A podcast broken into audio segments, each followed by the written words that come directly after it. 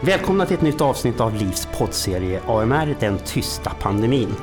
LIF är branschföreningen för de forskande läkemedelsföretagen. Jag heter Bengt Mattsson och jag är LIFs ansvarig för hållbarhetsfrågor, vilket inkluderar antibiotikaresistens. Idag så gästas vi här i bloggen av Jakob Forssmeds, Sveriges socialminister. Välkommen Jakob! Tack så mycket för det. Och eh, skulle vi kunna börja med Jakob att du liksom kort bara presentera dig eller berätta lite grann om dig själv men på något vis tänker jag mig att det ska leda fram till ditt stora engagemang i AMR-frågan. Ja, men det var bra. En sån här flyg, en, en, en riktig TV-övergång ska vi försöka få till här då, eh, tänker du dig. Eh, jag har ett långt politiskt engagemang. Eh, har varit eh, aktiv i rikspolitiken i över 20 år. Eh, har alltid varit väldigt intresserad av internationella frågor. Eh, även började en gång i tiden med ett engagemang kring eh, global utveckling. Eh, och då tänker jag att de globala hälsofrågorna vet man ju är otroligt centrala för att få en bra utveckling. Klarar vi inte hälsa, man brukar ju säga det, eller jag tänker så i alla fall, hälsa, utbildning. Klarar man de sakerna, ja men då lägger man också grunden för Eh, för eh, utveckling, välstånd, att, att länder kan eh, ja, helt enkelt få, få en befolkning som mår bra och mm. kan eftersträva sina mål i livet. Och kan man det, ja då utvecklas också samhällen på ett bra sätt. Så att där någonstans finns liksom en bas för mitt engagemang. Sen har jag hållit på mycket med eh, samhällsekonomi, ekonomiska frågor de senaste 15 åren. Eh, och då vet man ju också eh, vikten av att vi är effektiva i det vi gör, att eh, vi ska klara framtidens utmaningar. Eh, och det är väl också en, en bra övergång till AMR-frågan. För, för löser vi inte AMR-frågan, ja då kan vi ju faktiskt i mångt och mycket säga, säga hej då till en del av de sakerna vi tar för självklart idag. Att, att cancerbehandlingar eh, ska, ska vara verksamma, att knäoperationer ska kunna göras på svenska sjukhus och sådana saker. Så att det är en otroligt angelägen fråga, både i ett globalt perspektiv men även när det gäller svensk hälso och sjukvård. Mycket, mycket bra. Och, och Jakob, eh, den eh, forskande läkemedelsindustrin LIF, då, branschföreningen, tog ju under förra året fram en, eh, en hållbarhetsstrategi, ett hållbarhetsmanifest som vi kallar Hållbar hälsa, som naturligtvis bygger på Agenda 2030. Och jag tänkte ta tillfället i akt att, att när jag ändå är här med dig Jakob, eh, att lämna över då ett exemplar mm. av själva hållbarhetsstrategin. Och en av frågorna i hållbarhetsstrategin eh, är kampen mot antibiotikaresistens naturligtvis. Inom ramen då för det arbete vi gör för liksom god hälsa och välbefinnande, det globala hållbarhetsmålet nummer tre då, då naturligtvis. Och, eh, eh, just nu så befinner vi oss i det halvår där Sverige då mm. är ordförande i, i EU, eh, eller rådet. Och eh, AMR är ju vad vi förstår en prioriterad fråga mm. för det svenska ordförandeskapet. Eh, det ser vi ju bland annat då med högnivåmötet 6-7 mars. Och vi vet också att det är en pågående uppdatering av hela läkemedel, den europeiska läkemedelslagstiftningen. Rådet ska komma med rekommendationer kring AMR-frågeställningen. Eh, och, och, eh, samtidigt som jag förstår att, att som ordförandeland så har vi någon form av neutral förhandlingssits eh, naturligtvis. Men, men naturligtvis så finns det väl eh, önskemål från den svenska sidan om hur AMR-frågan ska förflytta sig under, eh, under halvåret och framöver sen. Om du kunde kunde liksom beskriva lite grann för den, liksom den svenska positionen för mm. våra lyssnare. Mm. Ja, men det kan jag göra och eh, vill gärna säga det också att det här är ju en väldigt viktigt prioriterad fråga för regeringen. Eh, det var det även för den förra regeringen men, jag själv har också ägnat en hel del tid åt detta. Min, min första resa eh, gick ju till Oman till en, en, stor konferens anordnat av ett antal FN-organ som, som just handlar om One Health och, och AMR-frågan.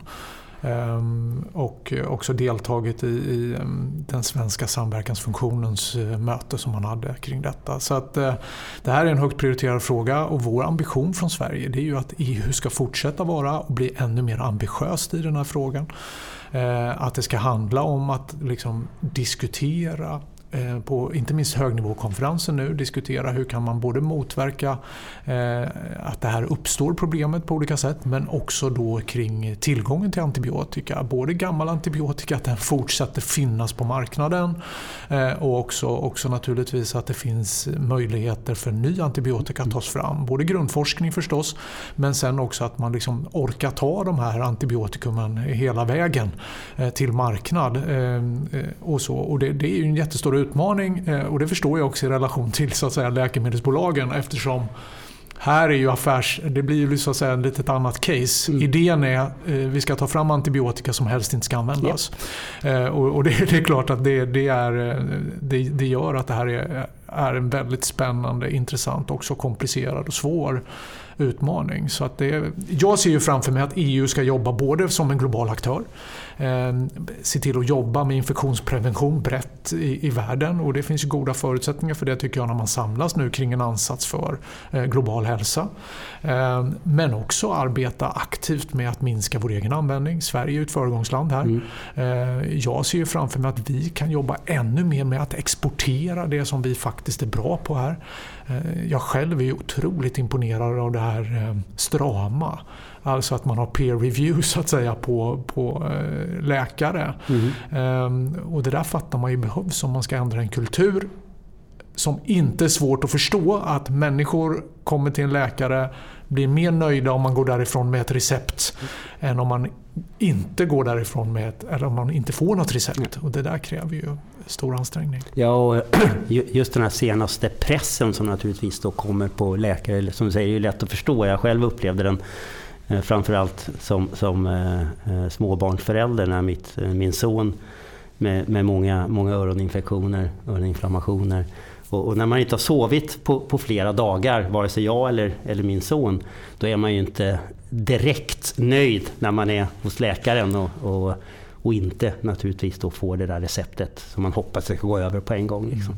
Men, men det, det, har ju liksom, förlåt att jag avbröt, nej, men det, det, frågan har ju lite likheter med klimatfrågan mm. på ett sätt. Både den här dimensionen att vi har nu överanvänt någonting under lång tid. Det får rätt stora konsekvenser. Mm. Vi ska då också så att säga, försöka säga till andra nu måste ni eh, inte använda det här som vi har använt under väldigt lång tid mm. i länder där det kanske inte ens finns tillgång ordentligt till antibiotika.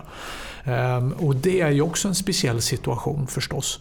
Um, som också skapar de här Eh, där man får också vara lite ödmjuk inför att andra länder har en annan situation när det gäller hälsa. Och där handlar det ju mer kanske om att också hjälpa till att stötta med, med att motverka infektioner från, från första början också. Ja, ja. Och, och, likheten med, med den globala uppvärmningen och de utmaningarna är ju naturligtvis också just det där att, att mitt eget beteende och så kontra liksom helheten. Jag kan mycket väl förstå att vi, vi alla måste mm. dra ner på, mm. vare sig det då är eh, någon form av, av fossil eh, energi när vi pratar global uppvärmning eller för den delen antibiotika liksom, samtidigt som jag själv i, i mitt dagliga val kanske då gör tar genvägen. Då.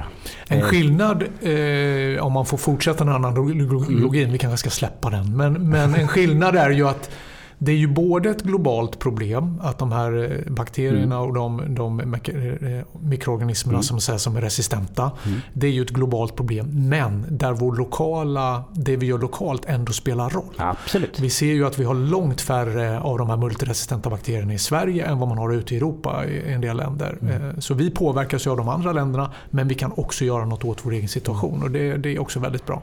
Ja, det du väl egentligen då säger är att koldioxiden på något vis är snabbare gränsöverskridande. Exakt, den är ju alltid global. Ja, Varje utsläpp är per definition globalt. Ja, men här är det också globalt därför mm. att vi klarar inte situationen om vi inte jobbar med det globalt. Ja, men vi får också, eller länder får också en, en ganska bra reward så att säga mm. även på det man gör nationellt. Mm. Det tycker jag det, det, är en styrka som man också ska peka på. Ja, problemet är globalt men det finns också möjligheter att göra saker mm. liksom, nationellt.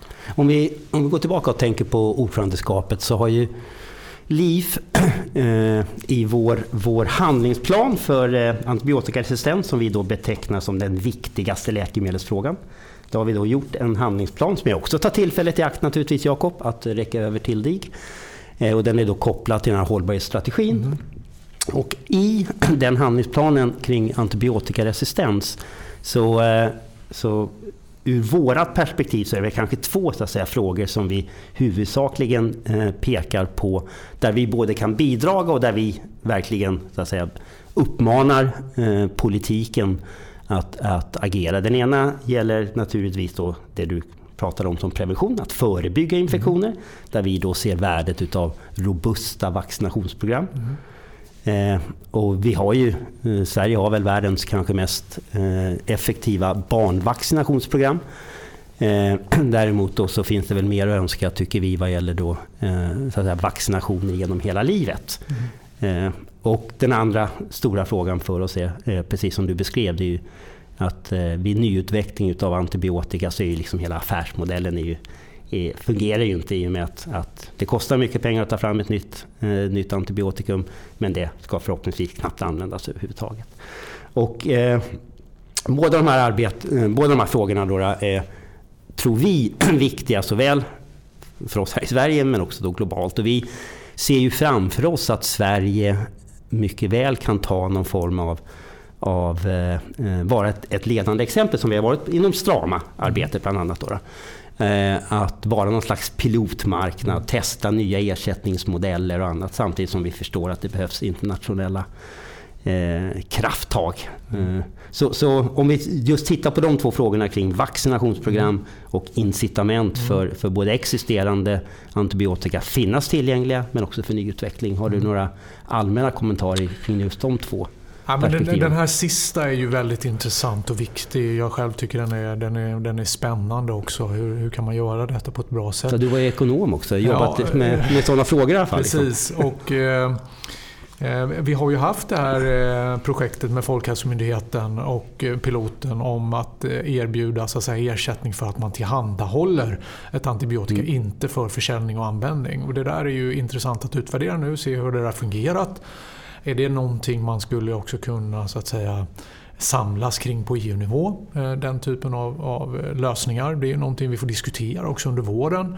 Jag vet att kommissionen har en del tankar kring detta eh, som också diskuteras rätt livligt får man ju säga. Får man säga. Eh, men det är bra så här alldeles oavsett var man landar, det finns verkligen för och nackdelar med, med liksom, eh, vouchers och det som kommissionen diskuterar. Det finns många invändningar. Mm. Men det är ju otroligt angeläget att det sker ett tankarbete här. Eh, så, så det är man ju glad för även om, även om jag inte är säker på slutsatserna. Det måste diskuteras noga.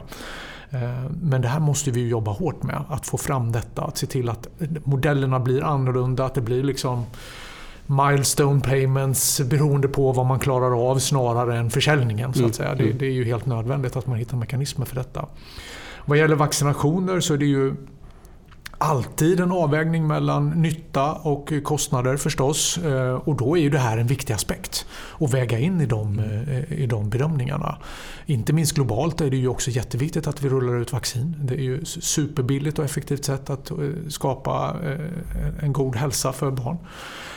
Men också grundläggande, jag menar, grundläggande tillgång till rent vatten, sanitet är ju också otroligt Absolut. viktigt i det här sammanhanget. Så att det gäller ju att vi fortsätter jobba med det aktivt.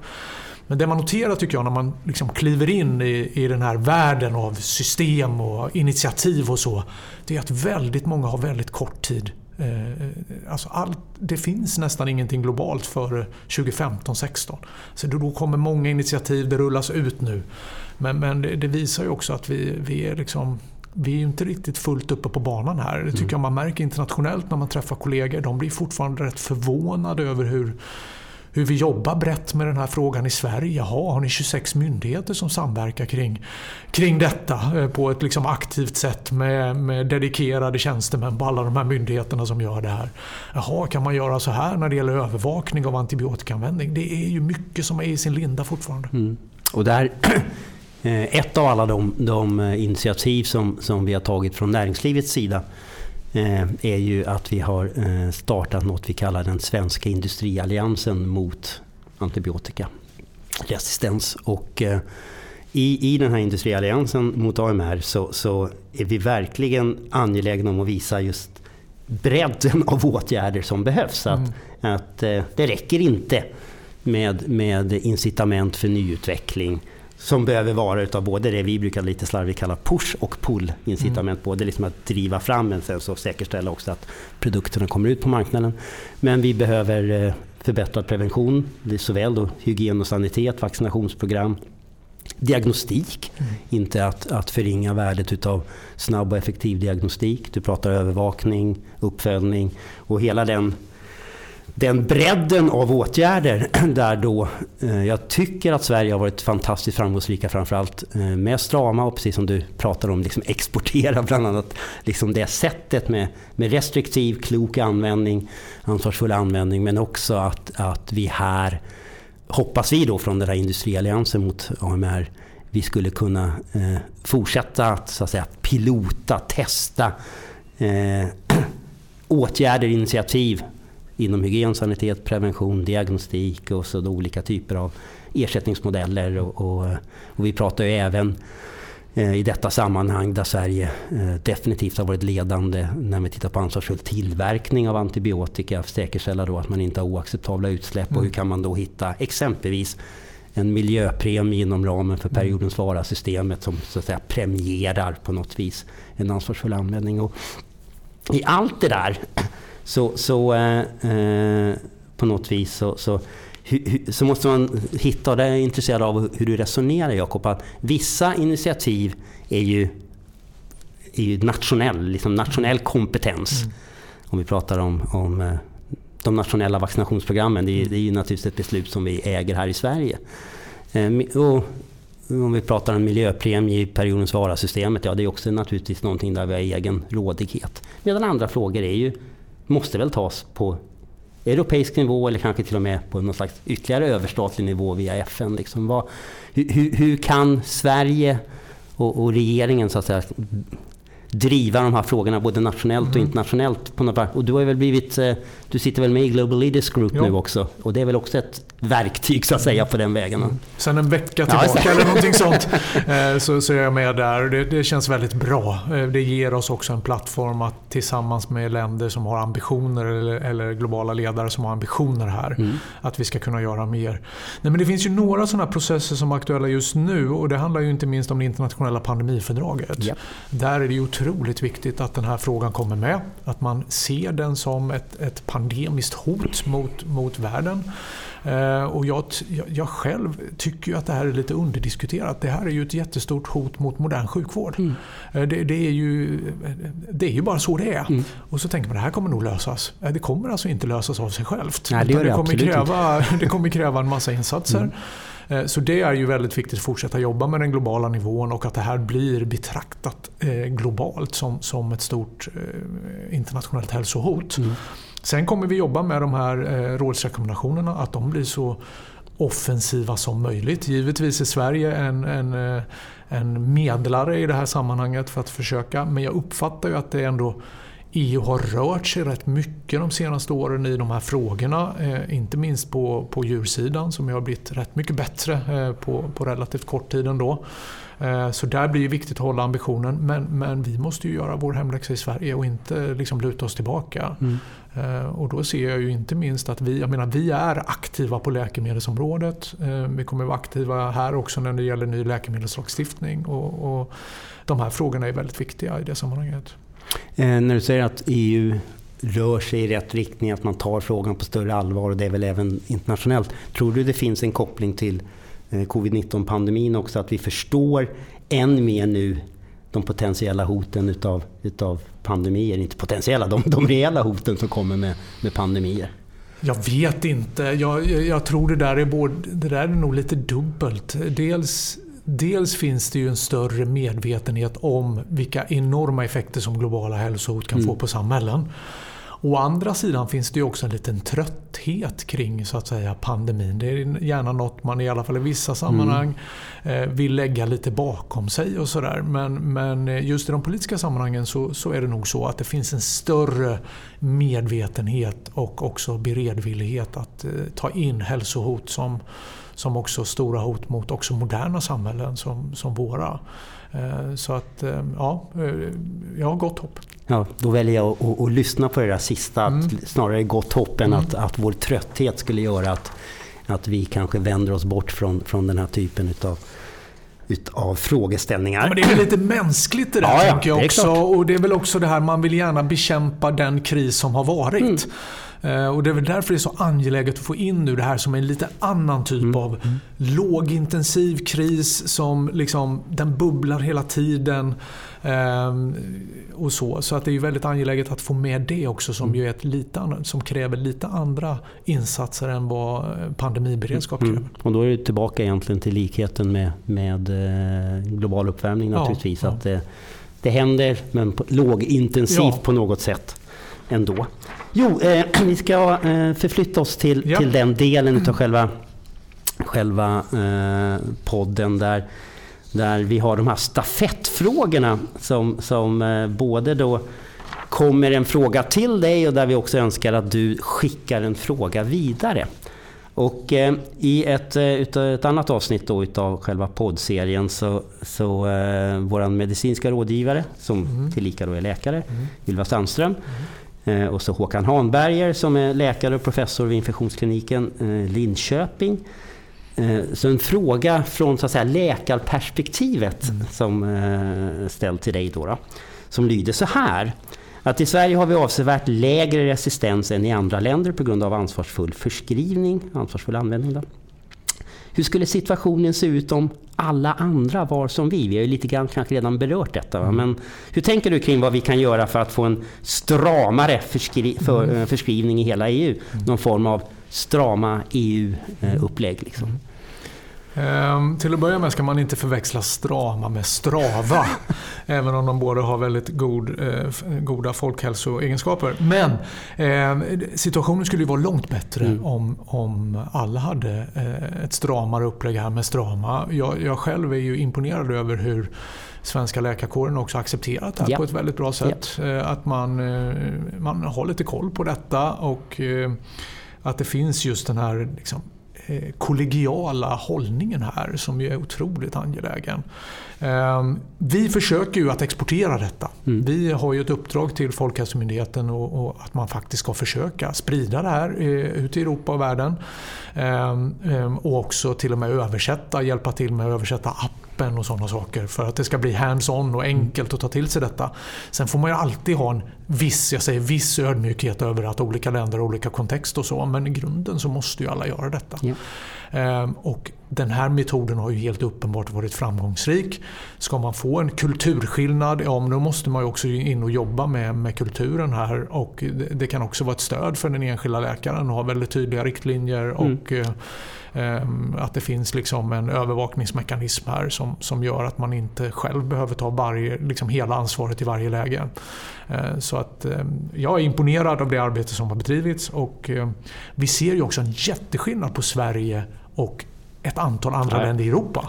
Vi har samma typ av moderna sjukvård men vi har ett långt bättre läge i Sverige mm. vad gäller detta än vad andra har. Sen kommer vi påverkas av dem. Eh, de utsätter oss för risk så att säga. Alltså mm. Alltså också för I vårt intresse ligger ju här att, ja, att få fler att jobba på det här sättet. Det är en bra, bra eh, tanke just det där att det också hjälper den enskilda läkaren att då stå emot när jag inte hade sovit på två, tre dagar och var, var sur och grinig. Liksom, att, att ha klara, tydliga rutiner att, att, eh, så att säga, luta sig mot. Ja, jag tror det. Det verkar ju vara en framgångsväg ja, i alla fall, så som vi har utvecklat den i Sverige. Tusen tack eh, för svaret på den frågan. Och sen då som sagt var skulle vi önska att du eh, försöker formulera någon slags fråga. Och i det här fallet då så, så, som jag berättade om den här svenska industrialliansen så arbetar LIF tillsammans med bland annat Swedish Medtech och eh, Sweden Bio. Eh, och Medtech det är medicinsk teknik och, och Sweden Bio då, om vi lite slarvigt skulle säga, liksom de mindre biotechbolagen där väldigt mm. mycket mycket intressant forskning naturligtvis bedrivs. Både på, kring antibiotika men andra typer av behandlingar och sånt. Och eh, eh, så eh, liksom till de här bolagen som jobbar med lösningar inom liksom hela området, men specifikt till någon slags SME-perspektiv, små och medelstora eh, företag i den svenska life science-miljön. Har du någon eh, liten fråga som du skulle vilja att vi för till dem? Eh, som de då i sitt mm. avsnitt sen eh, skulle få besvara ifrån socialministern. Mm. Det, är ju, man, det finns många frågor man skulle vilja ställa, och, men det är väl liksom så här vad, vad är det viktigaste man ser att man kan bidra med här och vad är liksom det enskilt största hindret för att, eh, för att klara uppgiften? Mm. Och då förutsätter jag att du på något vis också avser där du som, som socialminister, liksom där politiken skulle också då kunna gå in och eventuellt plocka bort ett, ett hinder. Om det, är, om det, är, om det, finns, om det finns ett sånt, det, det, gissar jag att någon kommer säkert ange något sånt, något sånt hinder också. Det skulle jag också tro, ja. Eh, men, men, det är väl det man, man är intresserad av att veta. Så att säga. Vad är det som står i vägen? Eh, vad är det liksom huvudsakliga eller det enskilt största hindret som står i vägen för att uppnå det som man vill bidra med? Mm. Tusen tack Jakob. Det ska bli spännande att höra eh, svaret på mm, den frågan sen. Då. Så jag skulle egentligen bara vilja säga stort tack Jakob för att du medverkade då i eh, vår poddserie AMR, Den tysta pandemin. Tack.